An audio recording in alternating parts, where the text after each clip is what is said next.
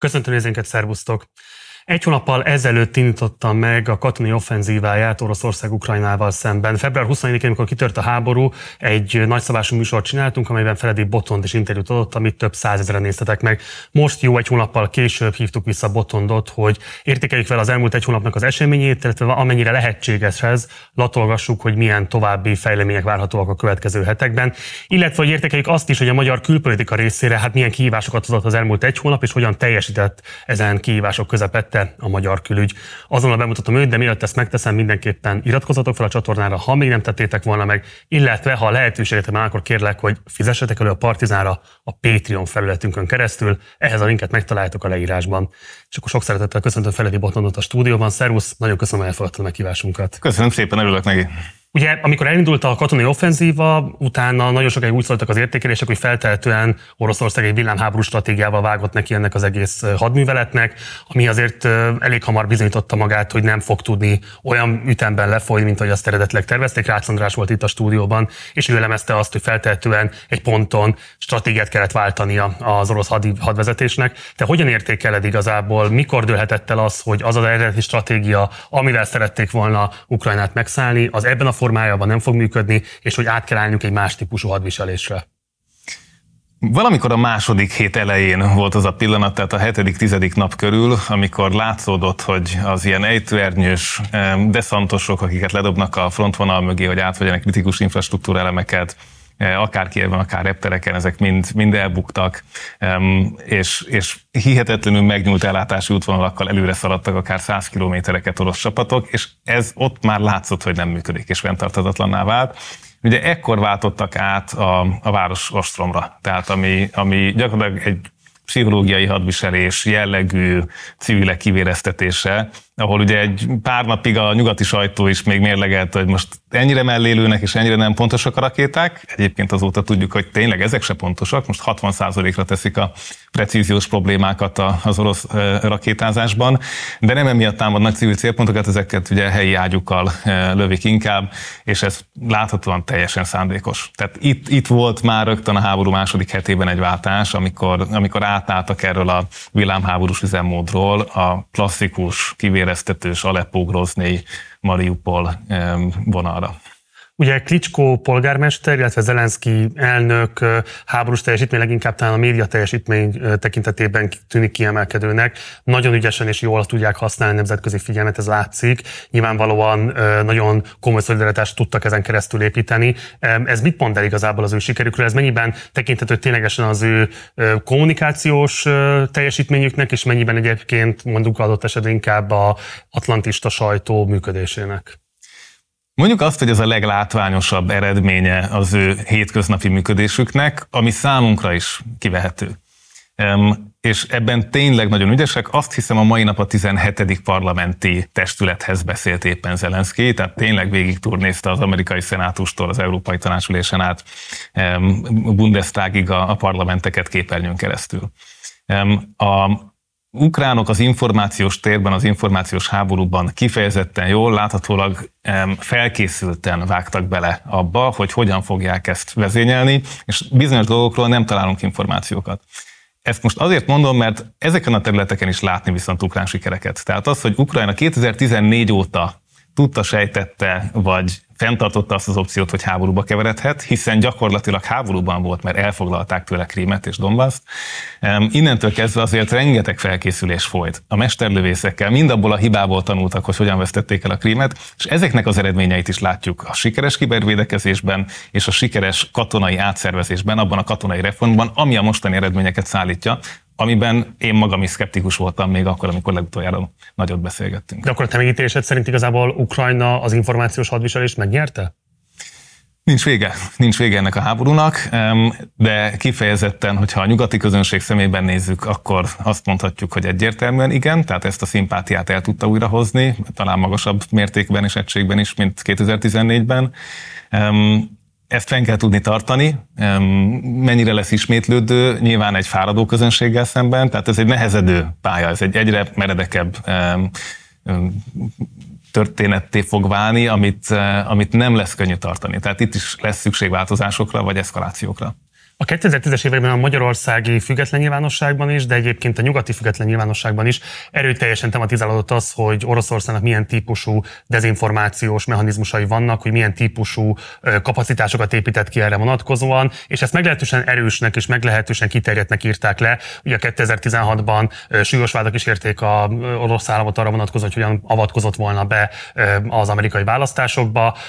Ennek ez egy jó összevéül nem bizonyult igaznak, de legalábbis a híre az orosz dezinformáció információs gépezetnek az volt, hogy rendkívül felkészült, rendkívül masszív és rendkívül erőteljes. Ehhez képest most mégis az látszik, hogy nem voltak képesek egy olyan narratívát szélesebb nyilvánosság számára hozzáférhetővé tenni, ami igazolta volna a katonai agressziót. Kijelenthető, hogy a korábbi feltételezések voltak megalapozatlanok, vagy pedig ténylegesen arról van szó, hogy egy ilyen típusú konfliktusban ezek az eszközök kevésbé bizonyulnak hatékonynak ahogy itt az idő perspektívát felvázoltad, ez tényleg egy macska játék. Tehát, hogy végignéztük a 2016-os elnökválasztási beavatkozást, itt ugye azért az amerikai titkosszolgálatok megállapították, hogy hol történt valódi beavatkozás, és aztán, hogy hol volt csak eh, nagyobb a zaj, mint a, mint a valódi művelet.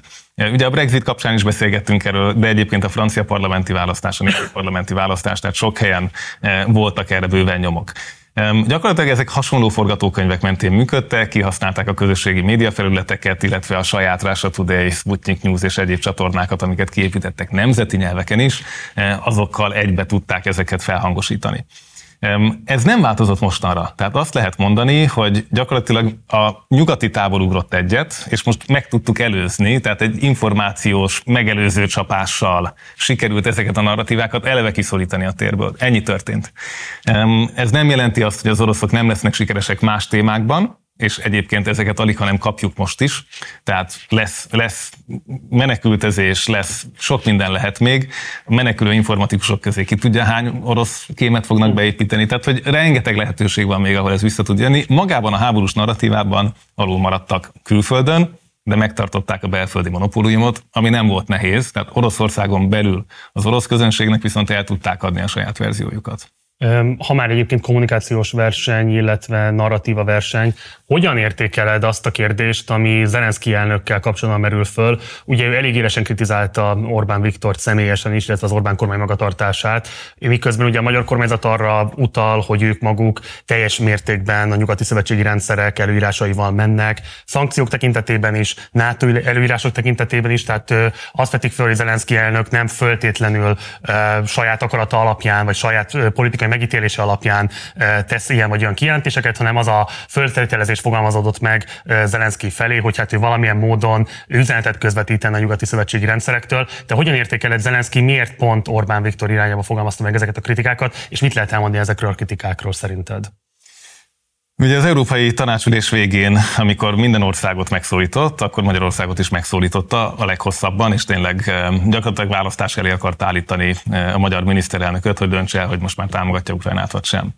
Ugye a legérzékenyebb pontja ennek a vitának az a fegyverszállítmányok átengedése, amikor ugye a halált okozó fegyverek eh, magyar-ukrán határon történő átengedése. Tehát a helyzet az, hogy Magyarországon ezek átvihetők, amíg nem érik el Ukrajnát. Tehát Szlovákiából, Romániába lehet vinni, vagy Lengyelország felé, ahol a legnagyobb raktár van, de nyilván ez fáj az ukránoknak, hogy potenciálisan innen nem tud bejönni szállítmány. Más kérdés, és ezt Rácz András el is mondta sokszor, hogy egyébként Kárpátalja nem egy ideális szállítási terep, hegyes, nem jó utak, stb. Tehát, hogy de valószínűleg nem ez lenne. Gyakorlati jelentőség valószínűleg nincs. Sokkal kisebb, de ugye diversifikációs viszont van, hiszen pont az a lényeg, hogy az oroszok ne tudják, hogy honnan érkezik, tehát ennek van jelentősége, hogy azt mondjuk lehet, hogy csak két traktor szerkesztő valamit fogunk átvinni egy nagy fekete dobozba, de az oroszok azt nem fogják tudni, és akkor erre is erőforrást el kell pazarolniuk. Tehát ilyen szempontból taktikai jelentősége lehet ennek, hogy számíthatnak-e innen is, vagy nem.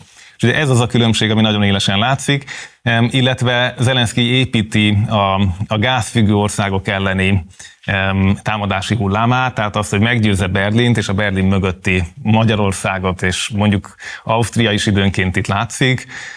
Ugye itt emlékszünk a Szurgutnyeftegász és egyéb ügyekre, tehát Ausztria azért szintén egy nagyon-nagyon erős Putyin fellegvár volt Európában próbálja ezt a gázügyet kiszorítani, hiszen a napi 400 millió euró, ami átmegy a gáz eh, tranzakciókon keresztül Oroszországba, azt tudjuk, hogy be lehet forgatni a háborúba egy az egyben, és ez érthető okon eh, Zelenszkinek egy, egy eh, a legfájóbb pont.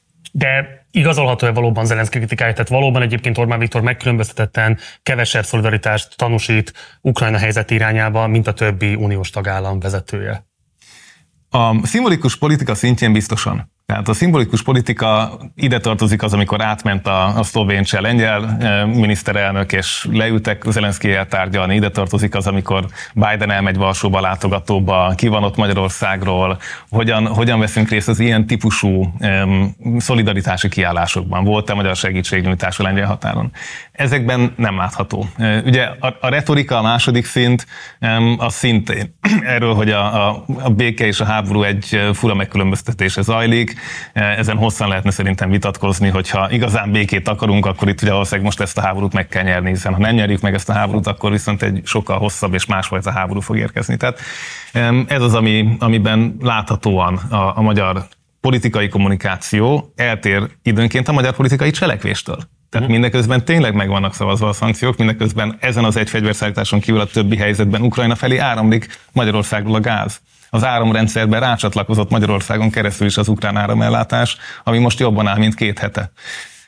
Tehát ha, ha ezeket vesszük, Magyarország tesz dolgokat küldött kórházi segélyszállítmányt. Ezekről nem beszél a kormány. Tehát itt nyilván a választási kampány rengeteg mindent befolyásolt, és azt hiszem, hogy ebbe a csapdában, ebben a narratíva csapdában eh, van jelenleg, eh, hát minimum ebben a csapdában van jelenleg a, a magyar külügyi kommunikáció. Jó, a belpolitikai vonatkozásokon vissza fogunk térni a beszélgetési későbbi pontján. Most arra csatlakoznék rá, amit korábban vetettél föl, hogy hogyan képes Oroszország a belső pozícióit tartani Oroszországon belül. Ugye amikor elindult a háború, akkor ezért lehetett látni azt, hogy masszív elegedetlenség kíséri legalábbis a nagyobb városokban a katonai offenzíva megindítását, tüntetések is voltak, több száz adott esetben több ezer letartóztatásról értesülhetett a, a nyilvánosság. Ehhez képest mostanra azt lehet látni, vagy arról lehetett értesülni, hogy kifejezetten népszerűbbé tette Putyint az offenzíva megindítása. A te megítélésed szerint, és esetleg azt is azt meg, hogy honnan tudsz tájékozódni ebben a kérdésben, hogy honnan érdemes tájékozódni ebben a kérdésben, hogyan tudta biztosítani a pozícióit az orosz vezetés a Oroszországon belül az elmúlt egy hónapban? Ugye sokat, sokat igyekszek beszélgetni azokkal, akik tényleg ott élnek. Tehát um, volt egy nagyon jó beszélgetésünk egy Szentpétervárról visszatért magyar hallgatóval, de ugyanúgy beszélgettem egyetemi professzorral, vagy, vagy másokkal, akik tényleg ott vannak. Um, nagyon nehéz a helyzetet reprezentatívan megítélni. Két számot látunk. Az egyik valóban az, hogy Putyin népszerűsége megerősödött, egy, tehát a saját táborában. Nyilván itt van hibafaktor, meg oroszországi vélemény közleménykutatásról beszélünk. És a másik oldalon, amit az egyetemi oktató mondott, eh, és társadalomtudományokból jön, hogy 24-26 százaléka között van az orosz társadalomnak az a része, aki egyébként a maga módján helyteleníti a speciális katonai műveletet, vagyis az ukrán repatriálást, tehát ugye ezek az orosz uh-huh. szókészletek arra, hogy mi történik a Donbass elcsatolásával. Ami egy komolyan nagy szám, és ez kvázi egy hivatalos orosz szám belső használatra, ami azért érdekes, mert ha ezt lemerik írni, akkor valószínűleg ennél egy picit több lehet egyébként, ami, ami azért mutat egy ellenállást. Ez viszont nem jelenti azt, hogy ezek az emberek utcára mennek. Tehát itt szó nincs arról, hogy az orosz társadalom negyede utcára készül, tizenezer embert vittek el tüntetésekről, de ez ugye alapvetően a nagyvárosokra korlátozódott, és azóta se terjed ki, és nem is látjuk nagyon, hogy kiterjedne nagyon erőteljes szankciók érték Oroszországot az elmúlt egy hónapban. Ugye valószínűleg Putyint is meglepte, legalábbis az elemzői konszenzus így szól azzal kapcsolatban, hogy mennyire egységesen reagálta e, igazából az Európai Unió egész azzal kapcsolatban, hogy milyen típusú szankciókkal próbálják kikényszeríteni e, az orosz magatartás megváltozását. Ezek között nyilván voltak inkább szimbolikus jellegűek is, mint mondjuk a Netflixnek a kivonulása, vagy McDonald's kivonulása, de azért voltak igazán komoly szankciók is, amelyek valószínűleg meglepték Putyint, és valószínűleg meglepték az ő támogató felső középosztályt, illetve azt az oligarchikus réteget, amely komoly károkat szenved el most ennek nyomán. Milyen lépésekkel tudta ezt valamilyen módon is ellensúlyozni az orosz vezetés?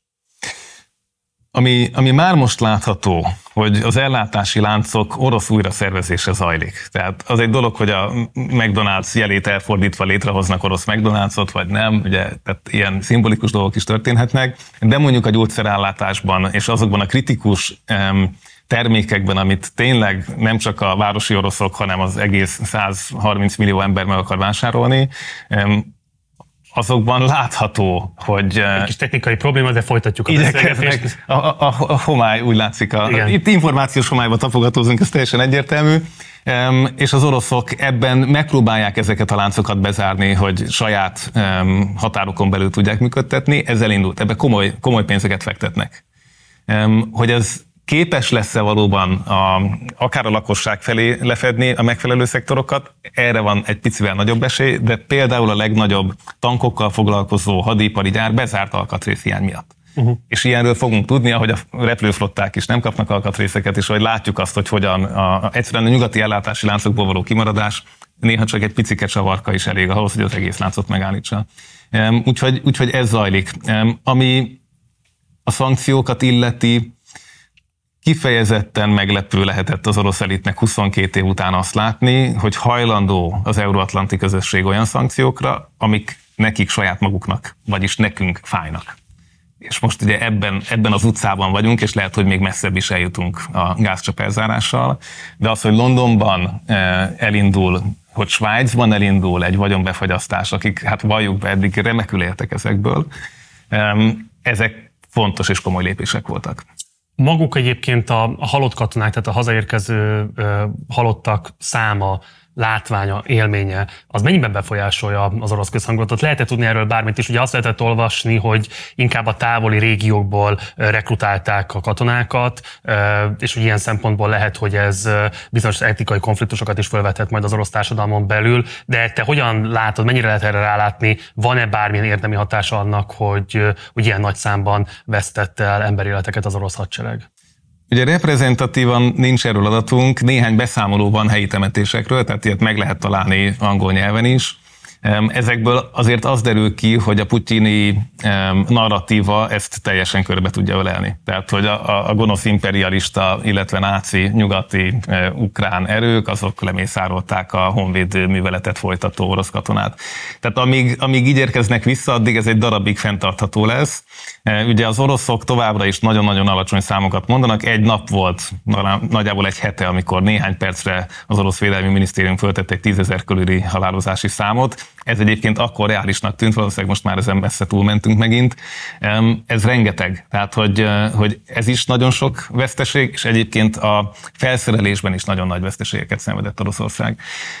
Hogy ez társadalmi elégedetlenséget, ahogy mondod, azért fog tudni nehezen szítani, mert az orosz hadseregben nagyon nagy az etnikumok jelenléte, tehát a, a egykori szovjet köztársaságokból, illetve nem orosz etnikai háttérből toborzott katonáké, és innentől kezdve ennek más lesz a városi megítélése, mint a, mint a helyi megítélése. Jó, térjünk egy picit vissza még a szankciós politikák kérdésére. Ugye legelőször arról lehetett olvasni a különböző elemzők megközelítésében, hogy hát ezek nagyon hamar térre kényszeríthetik az orosz gazdaságot. Ugye akkoriban bezárt az orosz tőzs, de is azt lehetett feltételezni, hogy tényleg napok kérdése csak, hogy valami nagyon látványos törés áll be az orosz gazdaságban. Az orosz jegybank súlyos kamatemeléssel próbált erre reagálni, és igazából úgy tűnik, hogy mintha stabilizálta volna a helyzetét. Összességében az elmúlt egy hónap alapján azt már ki lehet jelenteni, hogy Oroszország legalábbis azt a típusú krachot, amit sokan vártak volna az első hetek után, az első napok után, után azt végül is egyébként sikeresen elkerülte? Szerintem legyünk őszinték magunkhoz, hogy, hogy a krachot várni az egy illúzió volt. Tehát mm. azt, azt várni, hogy az orosz gazdaság 48 óra alatt térdre hullik, és kivéreztetett bankkártyával zombik egymást vadászák Moszkvában, ez, ez, ezt nem vártuk reálisan. Azt, hogy az orosz GDP kétszámjegyű százalékkal fog csökkenni egész biztosan, e, és ez valahol 10 és 20 között lehet a mostani tudásunk szerint, hogyha ez a helyzet nagyjából ez marad. De éppen ma is elfogadtak új szankciókat Nagy-Britanniában. Innentől kezdve ez egy nagyon hosszú távú hatást is kifejt, mert hogy a készletek még ott vannak. Tehát, hogy most még van 3, 5, 6, 8 havi készlet az akármiből is, és ezek őszre fognak igazán beérni. Tehát a, a, az egész termelési láncokban látszik, hogy van egy, egy, egy elég komoly, akár fél éves leg, míg a pénzügyi részében ugye valahol 40-60 százalékához fér hozzá az orosz állam a saját pénzének. Uh-huh. Ez még mindig minimum 200 milliárd dollár. Hogy most ebből mennyi arany és azt likvidé tudja tenni, ezen valószínűleg nem, de még akkor is rengeteg pénze van. Tehát, hogy amíg ezt nem égeti el, és amíg jön az EU-s napi 400 millió euró, addig, eh, addig azért nem arról van szó, hogy, hogy térden áll ez a gazdaság, viszont egyértelmű lejtmenetben van, aminek nagyon komoly ára lesz innovációban, a, a kútfúrási technológia, e, ugye ha csak nem jön Kína vagy India be, e, a nyugati technológia nem fog rendelkezésre állni, tehát ennek egy, egy, egy sokkal tovább gyűrűző hatása lesz inkább, mint hogy, e, mint hogy ezt nyár előtt Putyin úgy érezze, hogy gazdasági pisztolyt elsütöttük a halántékánál. Térjünk rá Ukrajna lehetséges jövőjére. Számos forgatókönyv kering arra vonatkozóan, hogy milyen típusú berendezkedésre érdemes majd készülni. Ezek közül talán három típus az, amit érdemes számba venni, és szeretném, hogyha mindenkire kitérnél, hogy milyen esélyt látod ennek. Ugye van az afganisztanizálódás kérdése, ami valószínűleg a legveszélyesebb lenne. Ez egy hosszú elhúzódó megszállással és belső harcokkal terhelt jövőt vetítene elő. Van a finlandizáció, ami egyfajta semlegességet írna elő, de közben meg lehetőséget biztosítana nem csatlakozva az Európai Unióhoz, de gazdaság gazdaságilag, politikailag kapcsolatot tartva az uniós közösség egészével, és ez valószínűleg van az orosz fél számára leginkább kívánatos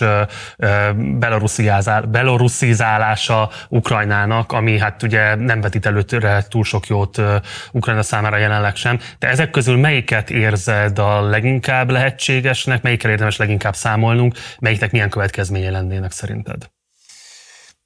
Um, ugye azért, azért is érdekes, hogy ezt a hármat egymás mellett elmondod, mert, mert azért ebből picit érezni, hogy, hogy csak szuboptimális kimenetekkel számolunk. Tehát, hogy egyelőre nincs olyan forgatókönyv, hogy az ukránok visszaverik az orosz csapatokat. Egyébként ezt is oda kéne tennünk negyedik verziónak. Nem, nem egy nagy valószínűségű forgatókönyv, de ugye az ideális forgatókönyv az ez lenne, hogy Ukrajna szuverenitása helyreáll. Megjegyzem, ez lenne a NATO érdek is. Hiszen ekkor lehetne azt mondani, hogy a 2014-es szuverenitás csorbítást is ki tudtuk köszörülni. Minden más igazolva egy háborúval való területszerzés. Tehát ez a, ez a szuboptimális vonal, és ez alatt vagyunk. A, az Afganisztán azért alacsonyabb valószínűségű, mert egyszerűen túl költséges még az oroszoknak is. Uh-huh. Tehát egy, egy Afganisztán, hát nem véletlen, hogy a Szovjetunió bukásának eh, párhuzamában szoktuk emlegetni a nyolc éves afganisztáni háborút, ez, ez egy drága dolog. Tehát a, fenntartani egy Délosszétiát Grúziával szemben az, az egy aprócska dolog, de itt egy 40 milliós országról beszélgetünk, igaz most már inkább 35 eh, de, de ez nem annyira triviális. Itt a kettő között van egy olyan átmenet, hogy ugye megpróbálhatják -e levágni nagyobb darabjait, vagy föderalizálni, ugye ez lenne a, a policy, hogy uh, hogyan lehet Ukrajnát feldarabolni, és lehet, hogy akkor egy része afganisztanizálódik, egy része pedig uh, a másik két ország útján talán elindul. Ami, ami nekünk ugyanúgy nem lenne, tehát euróatlanti szempontból nem lenne, nem lenne kedvező fejlemény. A Zelenszky egyértelműen a, a semlegesség útján indult el, és ezt kínálgatja Putyinnak. Ugye állítólag kézzelírt levelet is kapott a Abramovics kézbesítésében az orosz elnök zelenszky meg nem erősített információ. De az biztos, hogy Zelenszky személyesen is többször elmondta, hogy, hogy ő semlegességet el tud képzelni, NATO csatlakozást ki tud zárni nemzetközi garanciákkal. Ha egy pillanatra belegondolunk azért ebbe, hogy egy olyan orosz elnöknek kell elhinni, aki béketárgyalás delegációtagokat megmérgeztet, aki a humanitárius koridorokat általában inkább löveti, mint megnyitja, nagyon nehéz Putyinnak hinni. És, és ez szerintem minden egyes ilyen körrel, amikor a béketárgyalásokról kiderül, hogy hát semmi nem volt, nehezíti ezt a bizalmat, és még kitolja ezt az egész konfliktust. Ezért aztán tehát én tartok attól, hogy itt, eh, hogy itt ez, ez komolyan be fog tudni fagyni, és, és eh, az intenzitásában lehet hullámzó, de nem, nem látni azt, hogy, eh, hogy ez a megállapodás olyan közel lenne papíron. Ezt ugye Peszkov elmondta megint a Krem szóvivője, hogy ugye kedden volt egy tárgyalás Isztambulban, világ fél napig úgy érezte, hogy közelebb léptünk, majd elmondta a Krem, hogy ja, nem. De, de hogy majd, hogy nem így. Szóval Putyin úgy látja, hogy mégse történt előrelépés. Tehát, hogy abszolút játszanak ezzel a történettel, és, és ezt azért valljuk be, hogy a katonák repozícionálására használják. Uh-huh. És most ezt látjuk, és a NATO főtitkár is ezt jelezte a, a csütörtöki délután, hogy, hogy ez történik. Belarusban újra pozícionálnak, újra töltenek csapatokat, nem pedig kivonnak. E, tehát az oroszok még el akarják érni a céljukat, és erre Ami még... pontosan miben írható le? Tehát hogyan határozható meg? Hát ez egy, ezen vitatkozunk sokat, de az biztos, hogy a Dombaszt el akarják vinni, és a Krímet meg akarják tartani, és nagyon nehéz azt elképzelni, hogy a Mariupol környéki déli területeket el tudnák engedni, ha már egyszer ott vannak. Tehát ezt, ezt most nagyon nehéz elképzelni, hogy bármilyen olyan ukrán pozíció lehetséges, hogy ezt feladják. Beszéljünk akkor az Európai Unió kérdéséről, illetve arra, hogy milyen módon hatott a szövetség egészére a háborús fenyegetés. Ugye egyrésztről a szankció kivetése kapcsán rekordgyorsasággal állt össze a politikai egység, de más típusú egység is mutatkozik, például egyfajta katonai együttműködés a különböző eszközök szállítása kapcsán is, de például mondjuk az is egy fontos fordulat az unión belül, hogy Németország növeli a hadi kiadásait, ami egyébként a Merkel képest egy jelentős fordulatnak tűnik. És hát ugyanígy egyébként Orbán Viktor által régóta vágyott V4-es együttműködés is szorosabb, mint valaha, csak valahogy Magyarország marad most ki belőle. Ezek a típusú mozgások, ezek a típusú dinamikák mennyire rövid távok a te megítélésed szerint, tehát csak a háborús fenyegetés tükrében tartalhatóak fönt, vagy pedig jeleznek előre valami fajta új érát, amely a háború adott esetben vett felszámolása után is meghatározhatják az Európai Unió politikai berendezkedését. Nagyon jó a kérdés, két dolog. Az egyik, hogy én is Brüsszelben tanulom a nyugat-európai mindset megértését, és a háború... Akkor arról mesélünk egy kicsit.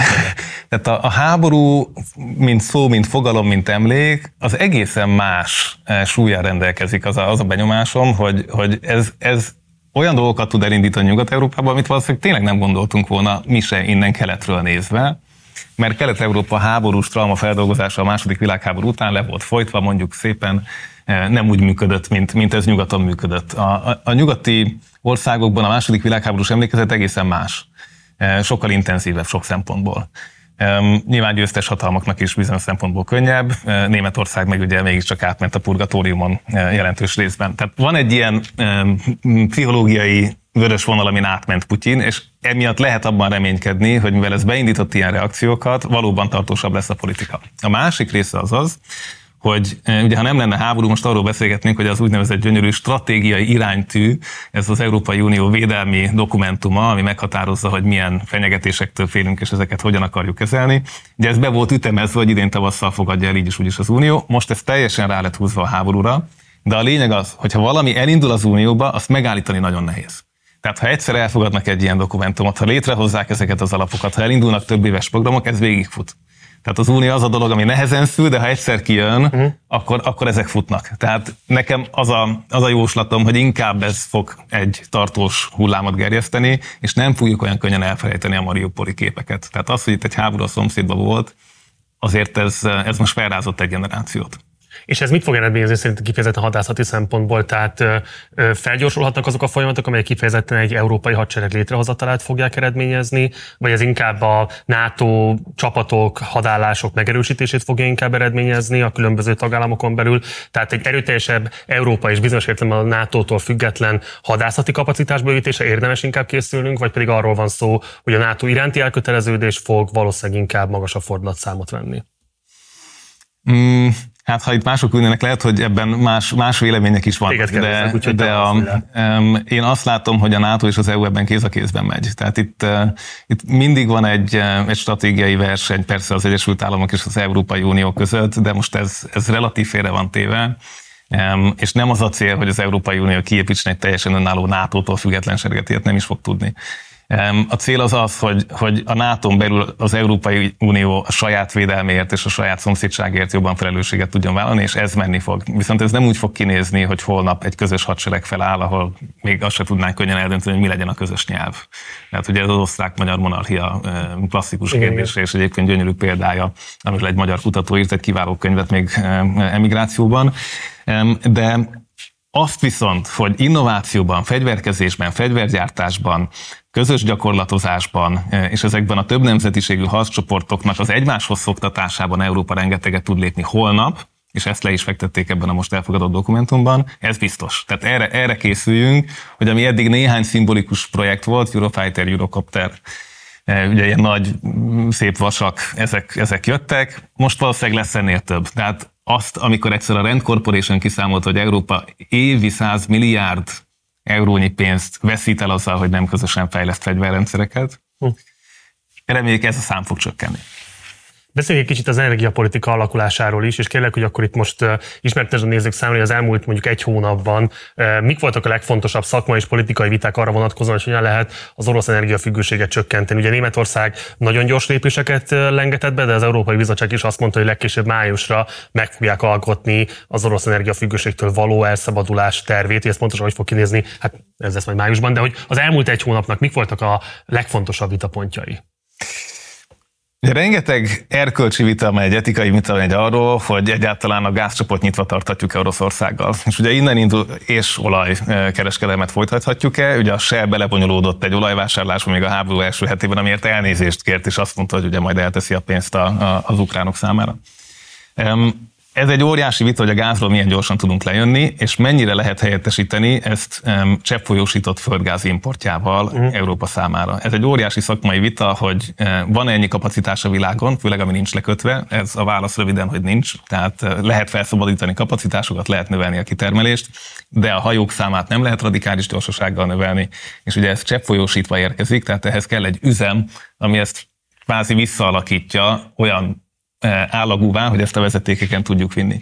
Ezek a vezetékek Európában nincsenek teljesen képítve interkonnektorokkal. Uh-huh. Tehát ez az kéne, hogy Párizstól Bukarestig bármilyen irányba bárhogy tudjon folyni a gáz, ez nincs kész. Tehát itt, itt komoly, komoly infrastruktúrális beruházásokról döntenek, és harmadrészt a hidrogén az, ami, ami tör föl. Ugye a hidrogén hidrogénipar amúgy is napirenden volt, mint, eh, mint a megújulóknál eh, egy kapcsolódó, és az energiatárlásban is sokat segít velem. Eh, erről biztos, hogy rengeteget fogunk, fogunk hallani a jövőben. Tehát ez egy óriási kérdés lesz, és pont ma jelentette be újra az Európai Bizottság egyik tagja, hogy a napelem gyártásban onshoring lesz. Ugye ez azt jelenti, hogy visszahozzuk Európába azokat a kapacitásokat, amiket hát javarészt Kínába telepített ki az európai cégek nagy része. E, tehát nagyon sok helyen elindult az, hogy hozzuk ezeket vissza. Legyen házon belül, e, és legyen az országok között energiahálózatban szolidaritás.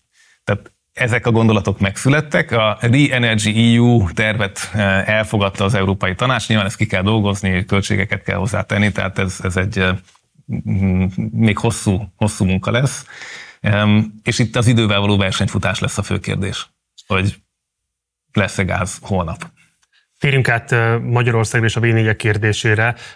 Mennyiben helytálló az az ellenzéki értékelés, miszerint Magyarország ezzel az Orbán hinta politikával hát igazából zsákutcába jutott? Ugye egyrésztről van az, hogy az Európai Unió egészén belül hát igazából fekete báránynak számít most az Ukrajnával kapcsolatos álláspontja, miközben egyébként ugye maga a kormány azzal érvel, hogy ők mindenben követték a közös álláspontot, és semmilyen módon sem akadályozták ezeknek a bevezetését, tehát emiatt nagyon igazságtalannak érzik ezt. De hát közben azért a v felül is elég erőteljes jelzés érkezett, ami amikor már magának a kormánynak kellett lemondani a találkozót, mert hogy konkrétan már senki nem jött volna el erre a találkozóra, erre a védelmi találkozóra, és hát erőteljes törésvonalak mutatkoznak nem csak a lengyel állam és a magyar állam vonatkozásában, hanem a Fidesz és a kinti legfontosabb lengyel szövetségük vonatkozásában is, amikor Kaczynszki ugye azt mondja, hogy nagyon reméli, hogy a választások után rendeződni fog ez a helyzet, mert ő maga is csalódott Orbán Viktor politikájában. Szóval helytálló ez az értékelés, és ha igen, akkor mik a legfontosabb következményei ennek az úgynevezett zsákutcának?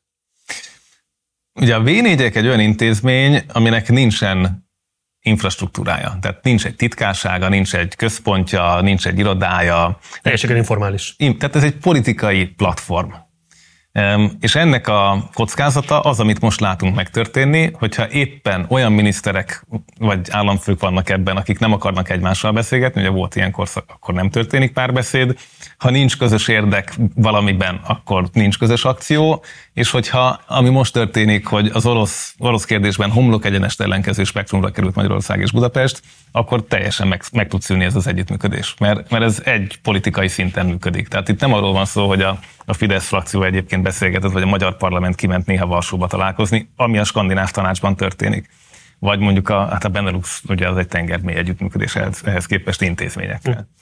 Mm. Tehát ez mindig is egy óriási kockázata volt a v ez korábban is okozott kisebb csaklásokat, ez a mostani ez egy elég súlyos kanyar, ami lengyel oldalról egy nagyon komoly érzelmi töltettel találkozik. E, és ez az, amiben a szimbolikus politikában nem szállította a magyar kormány muníciót, és ennek az árát most megfizeti abban, hogy e, március 15-én nem jött el a lengyel busz és sok más ilyen lengyel politikai kommunikációban. De méltányos-e, vagy arányos-e az a típusú kielezettség, ami az Orbán kormányt éri? Tehát azért itt az osztrákok is üzleteltek vastagon az orosz állammal, Olaszország is vastagon üzletelt az orosz állammal, és mint hogyha ugye az a kormányzatnak is egyébként a narratívája, hogy kvázi ők vannak most kinevezve fekete báránynak valami olyasmiért, amit egyébként számos Európai Uniós tagország is művelt az utóbbi időszakban. Mit gondolsz erről a kritikájáról, vagy erről a védelkezési elvéről, vagy, vagy érvéről a magyar kormánynak? Ez egy, ez egy nagyon sokrétű, nagyon szép probléma, és ebben egyébként abszolút igazság van. Ugye volt olasz miniszterelnök is, volt ugyanolyan Schrödere eh, orosz cégnek, vagy François Fillon francia miniszterelnök is beült ilyen cégekbe. Tehát mindenkinél voltak kőkemény orosz kapcsolatok, nagyon erős orosz üzleti szálak, 2014 után is. Sőt, egyes helyeken ez nőtt azután, hogy a krímet elfoglalták, tehát egyébként itt nagyon-nagyon sok hibát követett el eh, a, a nyugati országok egy, egy jelentős része is. Eh, és ebben a magyar kormánynak is igaza van, hogyha ezt a, ezt a tényt felmutatja. Amiben Amiben más a helyzetünk az az, hogy egy, egy relatív kicsi ország vagyunk, elég közelhez a konfliktushoz, tehát a szomszédországban zajlik, tehát van azért ennek egy geopolitikai kontextusa, és az is, az is tény, hogy a, a magyar miniszterelnök eh, tusványos óta, liberális beszédóta tartó narratívájában van egy nagyon erős nyugat-alkonya hangulat. És, és ez az egész arra van ráfűzve, hogy, hogy ebben a helyzetben sem biztos, hogy a nyugat mögé való beállás az, az, az mennyiben szolgálja a magyar érdeket hosszú távon. Tehát ez a bizonyos hinta politika, ez nem lesz egyébként kifizetődőbb, ha a háború elmúlik, még utána is lesz Oroszország alapon. De ennek végét hogyan lehet értékelni Vucic elnökkel tartott megbeszélését, ami kívülről nézve egy ki nem kényszerített hibának tűnik? Milyen okok állhatnak mögötte, hogy mégis egyébként ezt bevállalta Orbán Viktor, miközben láthatólag sokat nem nyerhetett vele, viszont szimbolikus politizálás szempontjából pont egy olyan gesztus gyakorolt, ami valószínűleg tovább rontotta a renoméját. És pont ezekkel a gesztusokkal van a probléma. Tehát egy, egy Vucic látogatással, a fegyverszállítási kérdés problematikájával, azzal, hogy ugye előre mondták, hogy akkor nem fogják támogatni a repüléstilalmi övezetet, ami nem is volt napirenden, hát tudjuk, hogy ilyen nem lesz. Nyilván ilyen szempontból ez egy nagyon szűk Fidesz közönségnek eladható, mint nyertes narratíva, mert lehet azt mondani, hogy lám nem lett repüléstilalmi övezet, de hát ezt tudtuk, hogy nem lesz, viszont az az üzenet, ami a lengyelek és ukránok felé megy ebből, az meg ezt a szövetséget rombolja. Tehát azért az, hogy a lengyelekre mennyi mindent épített a magyar politika Brüsszelben, az látható az elmúlt évben, hiszen az egész úgynevezett hetes cikkely szerinti eljárás, vagy államiság eljárás, ugye itt egy másik tagállam egyet nem értése a büntetéssel az elegendő egy adott pontján ennek az eljárásnak. Tehát itt nagyon fontos a, a magyar kormányzatnak, hogy ez a garancia meglegyen. Most ezt sem a szlovén miniszterelnök most úgy tűnik, hogy a másik vonaton van már, illetve a lengyelek adott esetben lehet, hogy, hogy ezt a szolidaritást már nem fogják vállalni. Tehát én azt látom, hogy sokkal többet kockáztat a magyar kormány a szimbolikus politikának ezzel a um, szimbolikus politikai igények ki um, mert hogy Brüsszelben ezzel pozíciókat veszít. És ugye ez az egyik kérdés a hetes cikke, a másik kérdés pedig a felújítási alap, az RRF, mert hogy ezt a pénzt a bizottság odaadhatja, ha elfogadja a magyar tervet, de azért ebben van diszkréciós időbeli elem, nagyon sok minden, miközben a magyar gazdaság valószínűleg hétről hétre fogja érezni a nyomást inflációban, gázáremelkedésben, nagyon sok mindenben. Tehát itt nehéz tisztán racionális magyarázatot találni a, a Vucic látogatás és a lengyelek, lengyelekkel való eh, szolidaritás hiányára. Tudom, hogy ez már a belpolitikai elemzés, határmesdjél, tehát nyugodtan is a kérdést, nem szeretnél rá válaszolni, de közben mégiscsak érdekelni, hogy te mivel magyarázod azt, hogy ezeket a különösebb költségeiként nem járó szimbolikus politikai lépéseket, amelyek igazából tényleg csak kommunikációs gesztusok lettek volna. Szóval, hogy az az Orbán kormány, amely kifejezetten, hát hogy mondjam én, messzeföldön híres arról, hogy a politikai kommunikációban mennyire képes éles váltásokat is tenni, mennyire képes pragmatikus szempontokat abszolút priorizálni, akár elvi szempontokkal szemben is. Tehát, hogy egy ilyen helyzetben mi miatt nem lépte meg ezeket a szükséges lépéseket az Orbán kormány, minimalizálja kitettségét, és hogy egy ilyen helyzetben lavírozza magát, ahol a most tart. Mm, mielőtt eljöttem Brüsszelből, pont kijött a közvéleménykutatás, ami nagyjából azonos törésvonalakat mutatott a belgák között, mint a magyaroknál, tehát azt, hogy a, a társadalom többsége egyébként ez a maradjunk ki a háborúból állásponton van. Tehát ez egyébként valószínűleg, ha megcsinálunk az európai országokban, és ez van megfogalmazva a kérdés, akkor ez a többség születik. Ugye ezt a Fidesz azt gondolom, hogy a választási kampányban nem akarta kockáztatni, hogy, eh, hogy, hogy pont most legyen ez a éles fordulat. Másrészt pedig az is látható, hogy eh, azért mivel ez egy következetesen 2014 óta a Paksi szerződés aláírása óta épített narratíva, azért az egy hosszú idő.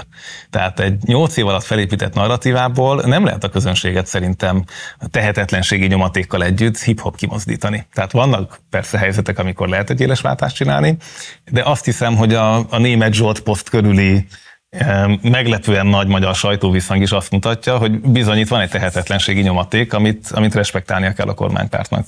Hát a harmadik és nagyon rövid válaszom az pedig a, a Panyi Szabolcs kiváló cikke a, a, arról, hogy, hogy akár amikor kiderült, hogy 2015 óta a Magyar Külügyminisztériumban milyen szintű az orosz kiberpenetráció, végül is a cikk végkövetkeztetése az az, hogy a politikai akarat, mintha hiányzott volna ahhoz, hogy ezt azóta befoltozzák, és a mai napig ez tart azon, a politikai akarat hiánya. Azon rátérünk erre is, ugye a, a külügyminisztériumnak a feltörésére az orosz hackerek által, szolgálatok által, de még egy fél kérdés elég, csak ha már beszéltünk Vucicról, érdekelne a véleményed, hogy Vucic részéről miért volt racionális fogadni Orbán Viktort és belállni ebbe a konfliktusba ilyen módon, miközben neki nagyon erőteljes ambíciói vannak az uniós csatlakozással kapcsolatban, és hát nyilvánvalóan egy ilyen gesztus nem fog jó pontként elkönyvelődni a csatlakozási tárgyalások során.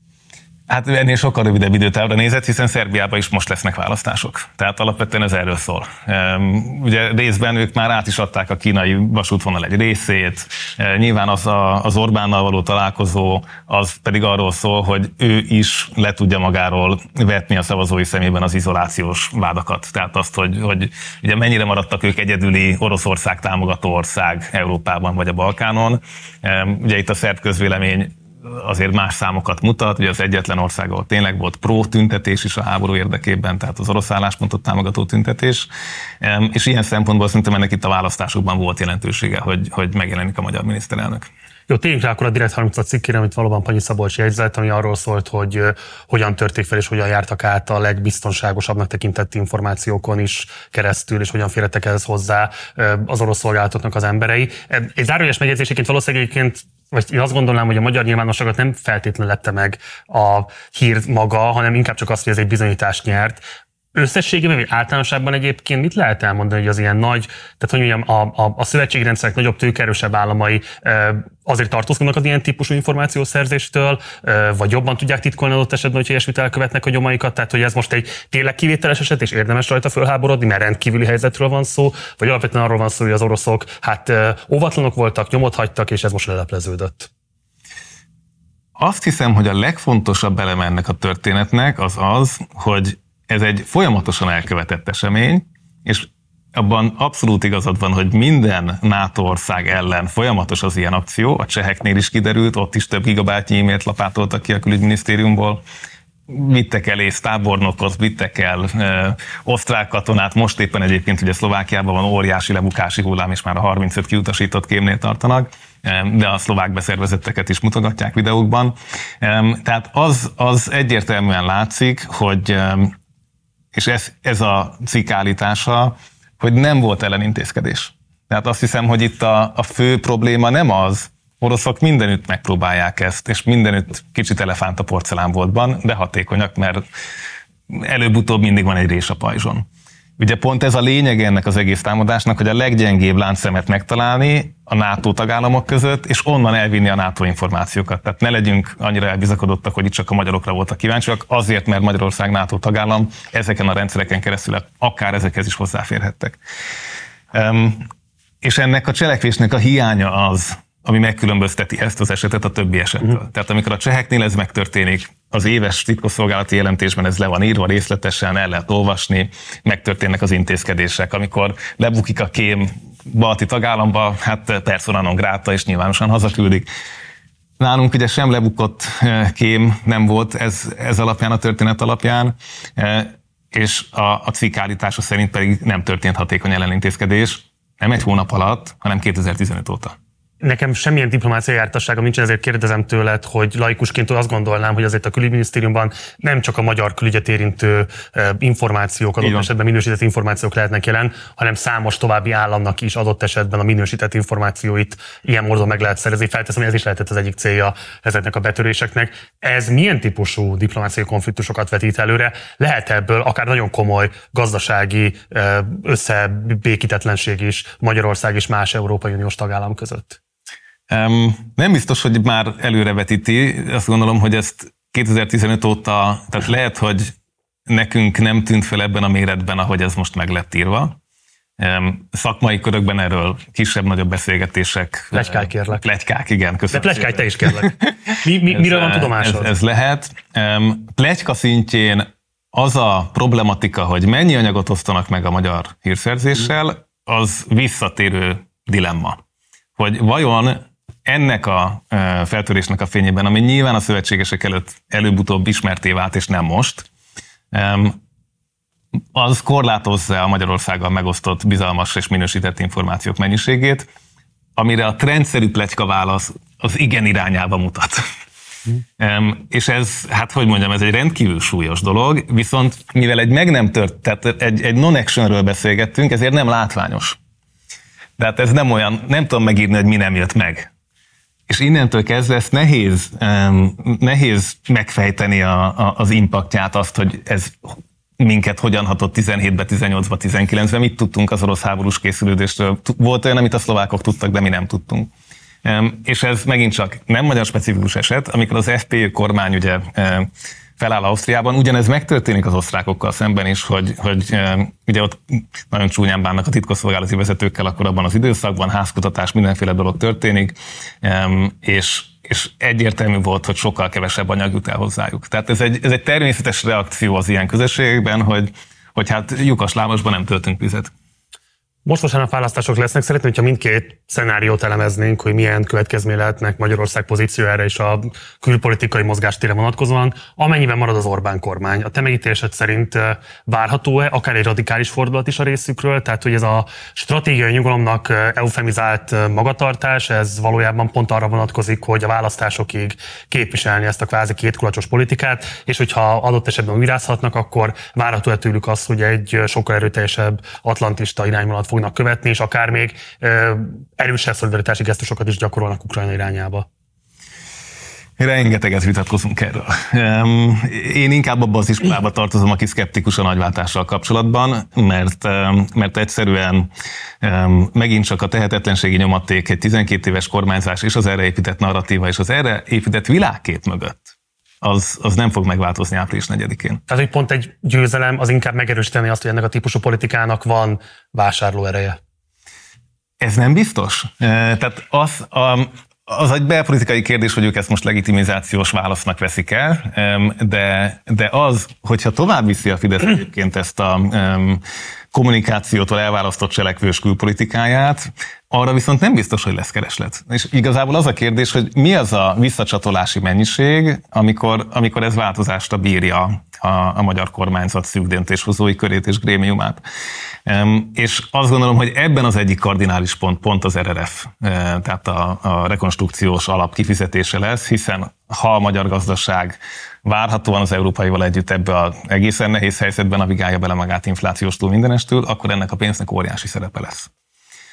És az a kérdés, hogy ezt az Európai Bizottság mennyire fogja politizálni, amiben nyilván lesz szerepe egy adott esetben egy Macron választásnak, vagy, vagy Valéry Pikeresznek, ugye a, a jobboldali ellenjelöltnek, ahogy a német baloldali kormánynak is baloldal vezette kormánynak is lehet ebben szerepet. Ez egy nagyon izgalmas politikai játszma lesz, ami, ami ugye, hogyha a magyar miniszterelnöknek szerencséje van, és a válság egy tűzszünettel egy hónapon belül véget ér, akkor megint máshogy állnak ezek a lapok.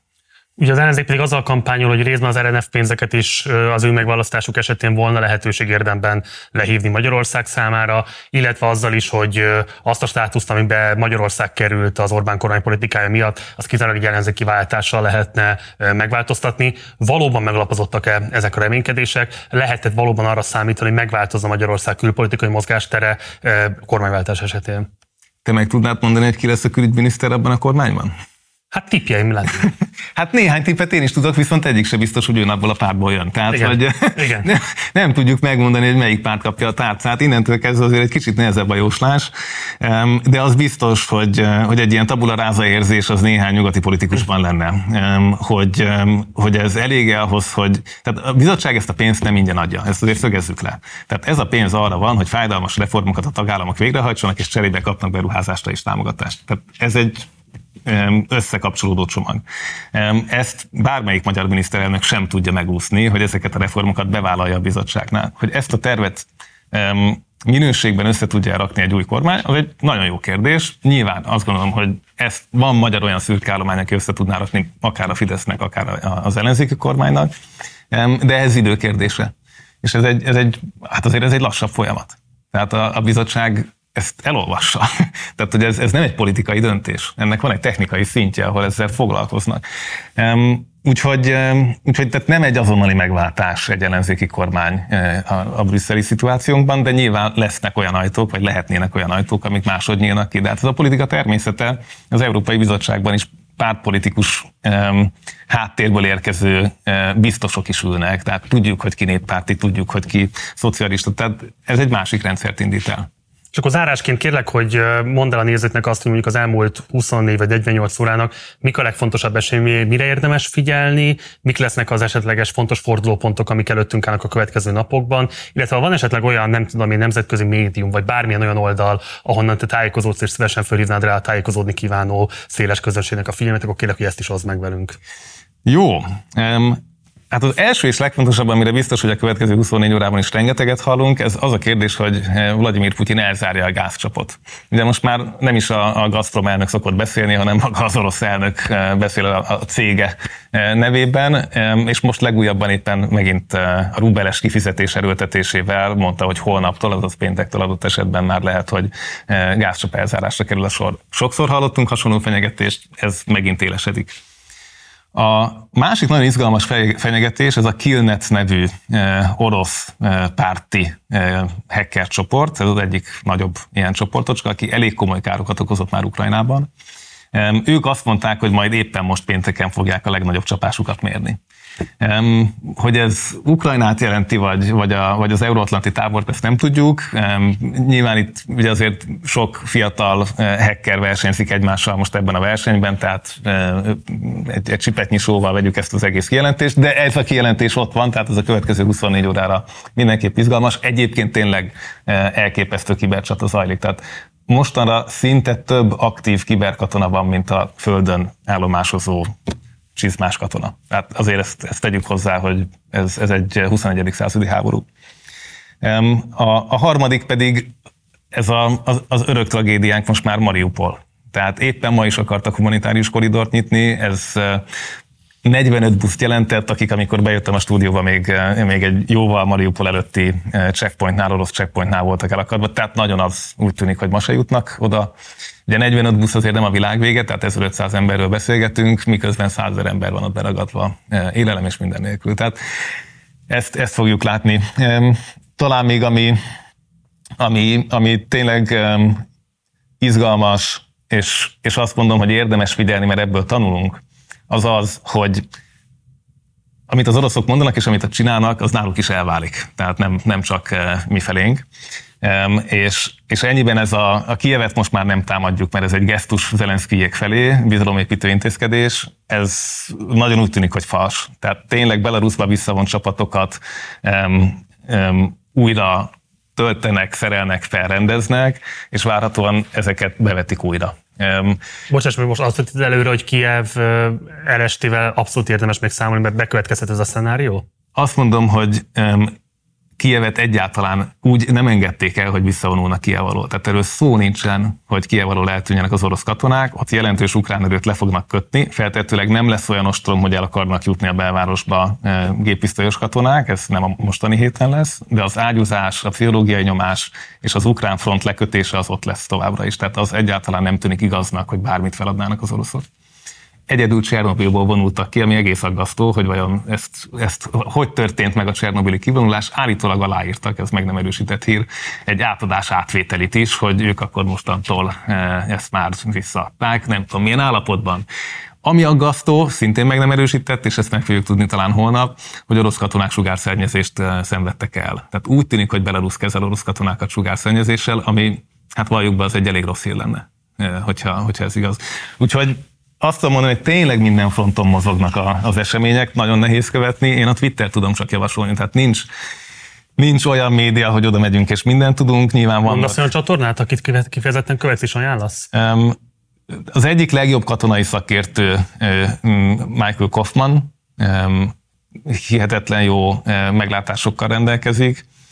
Um, van néhány olyan um, weboldal, War on the Rocks, a, a, a Ruszinak a, az oldalai, ahol vagy napi jelentések vannak, vagy, vagy nagyon jó áttekintések vannak. Egyébként a, a brit um, védelmi Twitter fiók közül naponta egy bullet pointos kivonatot az aznapi hírszerzési jelentésből. Tehát sok információ van, ezeket tényleg össze lehet szedegetni, viszont minden, minden részében nagyon mozog. Úgyhogy, úgyhogy nagyon óvatosan kell eljárni, és, és leginkább a, a videós, képes dolgokkal rettentő óvatosan. Tehát ott, ott megy a leginkább, legintenzívebben az információs háború.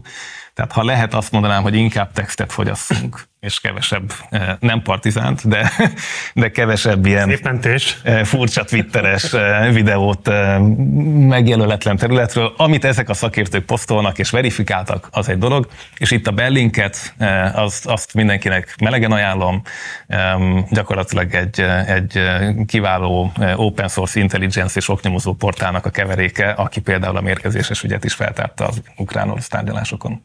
Feledi Botont, nagyon szépen köszönöm, hogy elfogadtad a meghívásunkat. Szerintem egy rendkívül informatív beszélgetés volt ez, úgyhogy remélem, hogy legközelebb is elfogadod a meghívásunkat. Várunk szeretettel, hogy a stúdióban. Minden jót neked, szervusz! Köszönöm szépen!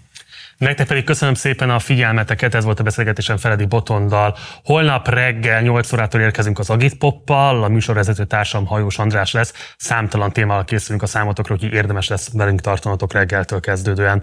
Este 3 plusz, már a 21 stúdiójából érkezünk és elemezzük a kampányhét legfontosabb eseményét, értékeljük az ellenzék, illetve a kormánypárti kampányt is. Szombaton este Ókovács Szilveszter ad egy exkluzív interjút a részünkre, az Operaház igazgatójáról van szó, értékeljük vele az Operaház felújítását, nemrég ilyen történt megnyitását, illetve az elmúlt 12 év kultúrpolitikáját is. Vasárnap pedig 5 órától ahogy azt már tudjátok, érkezik a 24-jel közös választási eredményváró műsorunk. Innen a stúdióból, a 24 stúdiójából és számtalan külső helyszínről fogunk majd bejelentkezni, hogy a legfrissebb információkkal segítsük a tájékozódásotokat. Műsorvezető társaim Pásztori Dóra és Krizsó Szilvia lesznek majd. Úgyhogy számtalan izgalmas tartalommal várunk benneteket. A következő napokban is tartsatok majd velünk, ahhoz, hogy megkapjátok az értesítést a legújabb tartalmainkról, ahhoz iratkozatok fel a csatornára, ha mi nem tettétek volna meg, illetve a lehetőséget ebben, akkor kérlek, hogy fizessetek elő a Partizára a Patreon felületünkön keresztül, ehhez a linket megtaláljátok a leírásban. Munkatársaim nevében köszönöm szépen a megtisztelő figyelmeteket, én Gulyás Márton voltam Budapestről, jó éjszakát kívánok, ciao.